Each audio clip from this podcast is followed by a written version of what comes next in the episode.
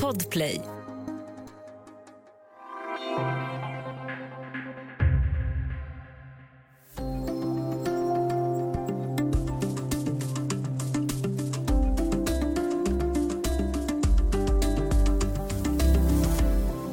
Medan amerikanerna blir vaccinerade och israelerna och britterna så har EU-länderna svårt att möta behovet av snabbt vaccin för alla som bor här. Det har vi märkt med all önskvärd tydlighet också i Sverige. Hur blev det så? Välkommen till Studio DN. Jag heter Sanna Thorén Björling.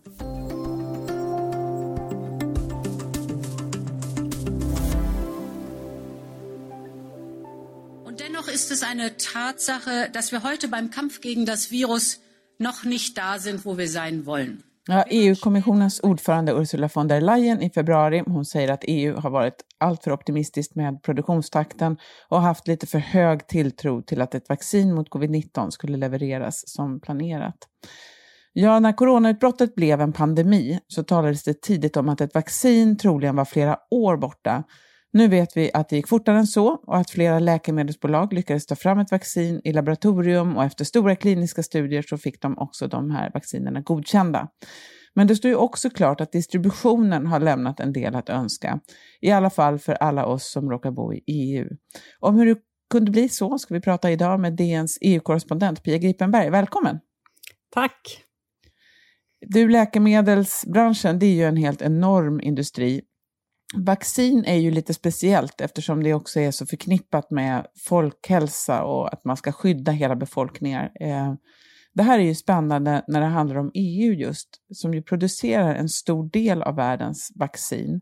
Vi ska höra en liten bit till av vad Ursula von der Leyen sa tidigare i vår. Just to be very clear, we want to make sure that Europe gets its fair share of vaccines. And let there be no mistake. The European Union can be proud and is proud to be the home of vaccine producers who not only deliver to European citizens but export around the globe. And we will continue. Du här, vad hade det här eh, för betydelse för EUs inställning i början av processen att säkra vaccin? Ja, det vi hör nu, det är ju att, eller senaste uttalande där, det kom ju efter att EU eh, e inför, införde en form av exportrestriktioner men det fanns ju inte alls med på kartan från början, utan från början tänkte man sig att EU är en stor producent av vaccin. Vi har ju många stora läkemedelsbolag inom EU. Och det skulle man fortsätta att vara, för att det är liksom ett av ja, strategierna eller traditionerna att mycket varor ska kunna produceras inom EU och levereras till hela världen. Då får man till, drar man till sig också stora investeringar i de här branscherna och så har det varit i läkemedelsbranschen. Eh, Schweiz och Storbritannien har också väldigt mycket, men man är väldigt integrerad i Europa. Så att det här var strategin att EU fortsätter att tänka globalt med vaccinet, för då det är det nytta för industrin och det är faktiskt till nytta för världen också, för att det räcker ju inte med att till exempel Sverige skulle vara högt vaccinerade.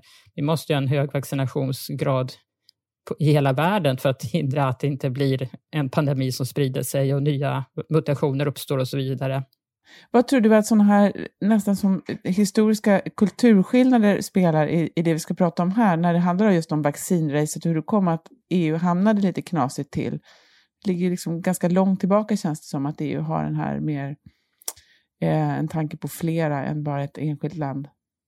Jo, men det är ju så just det här med att man vill ha, eh, ha en industri som kan leverera över hela världen. Så det är ett litet egenintresse där också. Hade liksom EU haft strategin att nej, vi ska bara tillverka för den egna befolkningen, då hade man kanske inte fått så mycket. Då kanske Pfizer och Moderna hade valt att bygga sina anläggningar någon annanstans.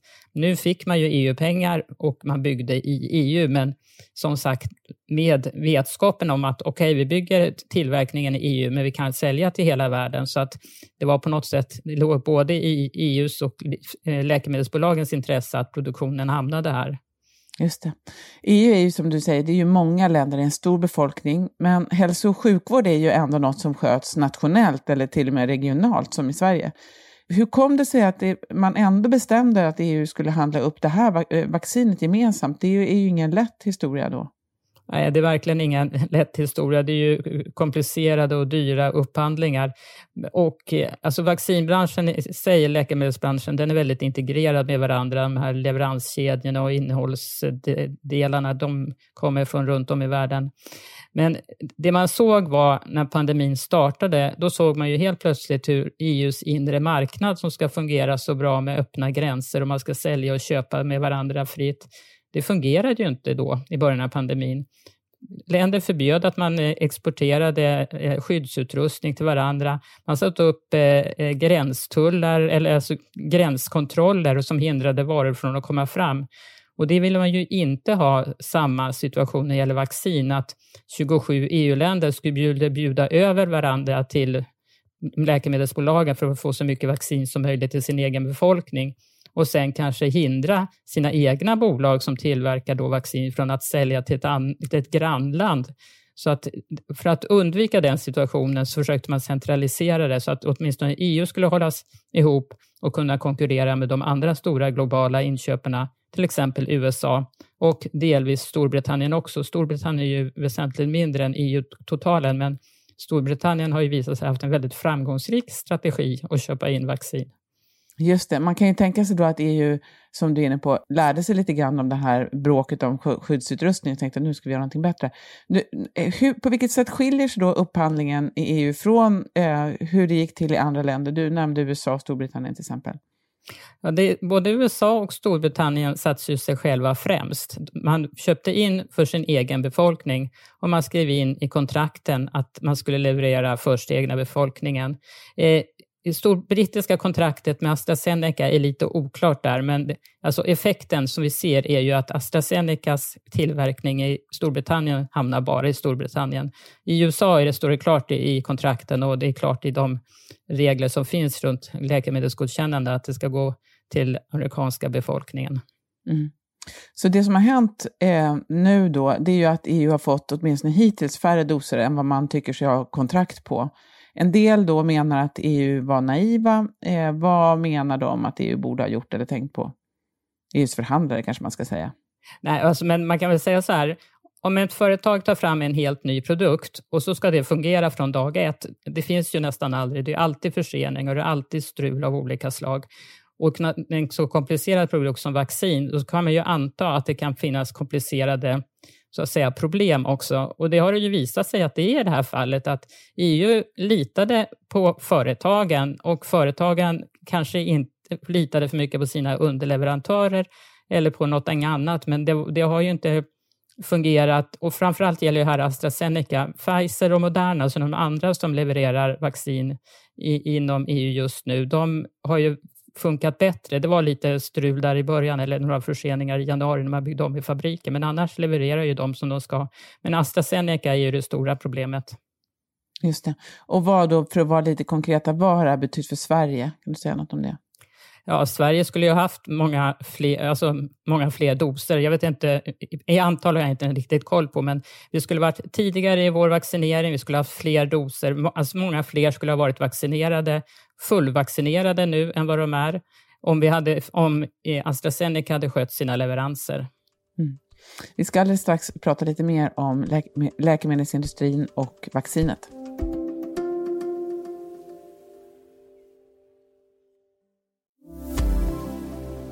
Studio DN idag med DNs EU-korrespondent eh, e Pia Gripenberg. Vi pratar om vaccin mot covid-19 och hur det kommer sig att EU hamnade på efterkälken. Du Pia, det är ju enorma pengar i det här. EU har ju betalat mindre per dos än USA till exempel. Och i Israel så har man ju också betalat mycket mer per dos eh, enligt principen lite grann att kosta vad det kosta vill. Nu ska vi vaccinera alla. En del då menar ju, eh, som till exempel Benjamin Netanyahu, att pengar spelar absolut ingen roll. Andra säger att det spelar ingen roll för leveranserna här, att EU minsann har bättre kontrakt. Vad tror du, hade EU kunnat få fler vaccindoser om de hade betalat mer? Hur, mycket, hur stor roll spelar pengarna? Alltså, det är lite svårt att säga. Alltså, om man tänker sig att man är ett företag, då levererar man ju till en kund som betalar mest. Det är ju liksom det naturliga tänkandet där. Men å andra sidan, om det är så att Pfizer och Moderna de levererar precis det som EU har avtalat med Pfizer och Moderna, då spelar ju i så fall inte pengar någon roll, för att Pfizer får mindre från EU än vad man får från USA Eh, per dos, men ändå fortsätter man att leverera, så att på så sätt kanske det inte spelar någon roll. Sen kan man ju säga att eh, det blev så stort kontrakt med AstraZeneca kan jag ha med priserna att göra, därför att även om Sverige och västra Europa har stora resurser så är inte resurserna lika stora i, i Central och Östeuropa. Och där är det liksom, man tar länder som Bulgarien eller Rumänien, för dem att köpa in Pfizers vaccin, det tar ju otroligt stor andel av budgeten jämfört med att välja då det betydligt billigare AstraZeneca-vaccinet. Så att eh, det fanns ju en påtryckning att AstraZeneca var nog det stora breda vaccinet. Dessutom ansågs ju AstraZeneca ha en beprövad, beprövad metod medan Pfizer och Moderna var mer de här experimentella läkemedlen. Tror du att man kan säga mer att, att pengarna, det kanske inte är kronor och ören i sig, utan att det är, är man vill betala mycket så kanske man snabbt kan sluta ett avtal. Tror du att det har spelat större roll i så fall? Att man, man, man struntar lite grann i förhandla för man bara betalar vad första budet? Kan det ha större betydelse? Ja, kanske, men samtidigt när jag pratar med de som har suttit och förhandlat med läkemedelsbolagen, då säger de att vi var tidigt klara med det här med kvantiteter och priser. Det var vi klara med redan på sommaren 2020.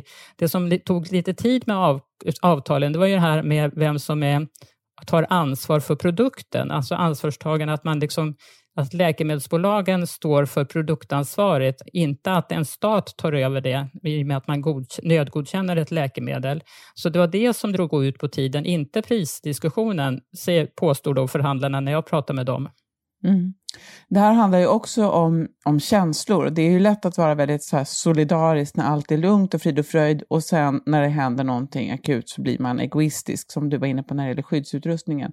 Hur har det här märkts när det handlar om vaccinet? Ja, men det man kan ju se är att eh, man kan ju tycka då att Storbritannien har agerat egoistiskt som börjar vaccinera 30 och 40-åringar istället för att låta AstraZeneca skicka vaccin så att 80-åringar i Europa kan vaccineras. Men då, man ser ju också då på Boris Johnsons popularitet har ju stigit jättekraftigt i, i takt med att han, liksom, de har kommit långt med vaccinen. Så att det finns ju ett egenintresse och att en alltså som när det var liksom riktigt kris, det vore nästan politiskt självmord tror jag att säga att nej, vi ska inte vaccinera vår egen befolkning, vi ska låta exportera vaccin. Nu gör man ju det i viss mån i och med att, att till exempel EU och andra är med i det här globala vaccinsamarbetet, Covax. Eh, och, eh, så att där går det en del vaccin, men eh, som det är nu, EU har ju också då sett om sitt eget hus, det här med att man vill eh, se till att få sina leveranser som man har avtalat med bolagen innan det exporterats till andra länder. Det finns ju också en, en spännande koppling där mellan AstraZenecas globala chef Pascal Soriot, eh, när man pratar om känslor, och Australien. Eh, kan du berätta lite om den där kopplingen? Ja, alltså det är ju lite intressant. Alltså, det var väl ganska nyligen som folk i EU-världen började förstå att Pascal Soriot bor för det mesta i Australien. Det är en helt annan tidszon än då i Europa som vi talar om, där man har så himla stora problem just nu. Och eh, Australien eh, köper också vaccin från AstraZeneca och den första leveransen av AstraZeneca-vaccin som stoppades från EU, det var då 250 000 doser som skulle gå från Italien till Australien vilket ser ut som en tanke. Och nu är dessutom Australiens premiärminister Scott Morrison otroligt upprörd över att EU eh, stoppar leveranser, nya leveranser som ska gå till Australien. Medan då eh, EU säger att vi har inte stoppat några leveranser alls, utan AstraZeneca har inte lämnat in någon ansökan om att få exportera vaccin. Så att det är en sån här klassisk triangeldrama mellan bolaget och två då EU och Australien i det här fallet. Och en känslomässig global chef i mitten. Exakt. Var, om vi skulle säga någonting då om var vi är nu någonstans, några månader in i vaccinationerna, hur, hur går det för Sverige och även resten av EU? Alltså Sverige och några länder till ligger ju, vad man säger, relativt sett hyfsat långt fram. Är, de som släpar efter är ju tyvärr de här länderna i Central och Östeuropa som hade förlitat sig väldigt mycket på AstraZenecas vaccin. De har fått några extra doser från Pfizer nu för att liksom komma ikapp, men de släpar efter, tyvärr. Mm. Vilka problem eh, återstår då? Det, vi har ju pratat om lite grann de här vaccin, eh, fabriksproblemen som Pfizer hade ett tag. De skulle bygga ut en fabrik tror jag i Belgien. Eh, Astra har väl också haft en del såna eh, problem med fabriker och underleverantörer. Vad, vad återstår där? Nej, Astra har ju fortfarande problem. Det är lite svårbegripligt, men de, det, det, är tydligen långa ledtider med att liksom få, få upp produktionen i den takt man önskar, säger bolaget då när jag pratar med dem. Och, eh, alltså, alltså, ja, det är klart, vaccinproduktion är inte helt enkelt. Att man, det är just många komponenter och det ska vara noggrant med dosering. Och eh, eh, även om det är erfarna underleverantörer och en helt ny fabrik ska tas i bruk, som det är då och då, då blir det problem. Så att mm egentligen kanske det inte är så förvånande att det blivit problem, men det som är, är tråkigt är att det har slagit så otroligt mycket mot eh, eh, ja, invånarna helt enkelt. Mm. Mm. Det är ju verkligen, våra krav är ju också som du är inne på helt enorma. Eh, det här är en, en, en enorm skala också på detta. Eh, tror du att EU, vad, vad, inför nästa pandemi, för det lär väl komma en sån förr eller senare, vad tror du att EU har lärt sig? Eh, möjligtvis har EU-länderna lärt sig att eh, kommissionen måste ha ökade befogenheter för att kunna agera snabbt. Och det är ju, det är ju på väg att överföras liksom, eh, sådana befogenheter som idag finns eh, nationellt i EU-länderna, att, att EU-kommissionen ska ha, kunna agera snabbare, inte behöva förankra allting i 27, hos 27 regeringar och till och med parlament, just för att eh, ja, kunna stoppa en pandemi eller eh, öka produktion eller öka inköp eller vad det nu kan behövas inom hälsoområdet. Mm. Stort tack ska du ha Pia Gripenberg för att du var med idag. Tack, tack. Studio DN görs för Podplay av producent Sabina Marmelakai, exekutiv producent Augustin Erba, ljudtekniker Patrik Miesenberger och teknik Jonas Lindskog, Bauer Media. Jag heter Sanna Thorén Björling.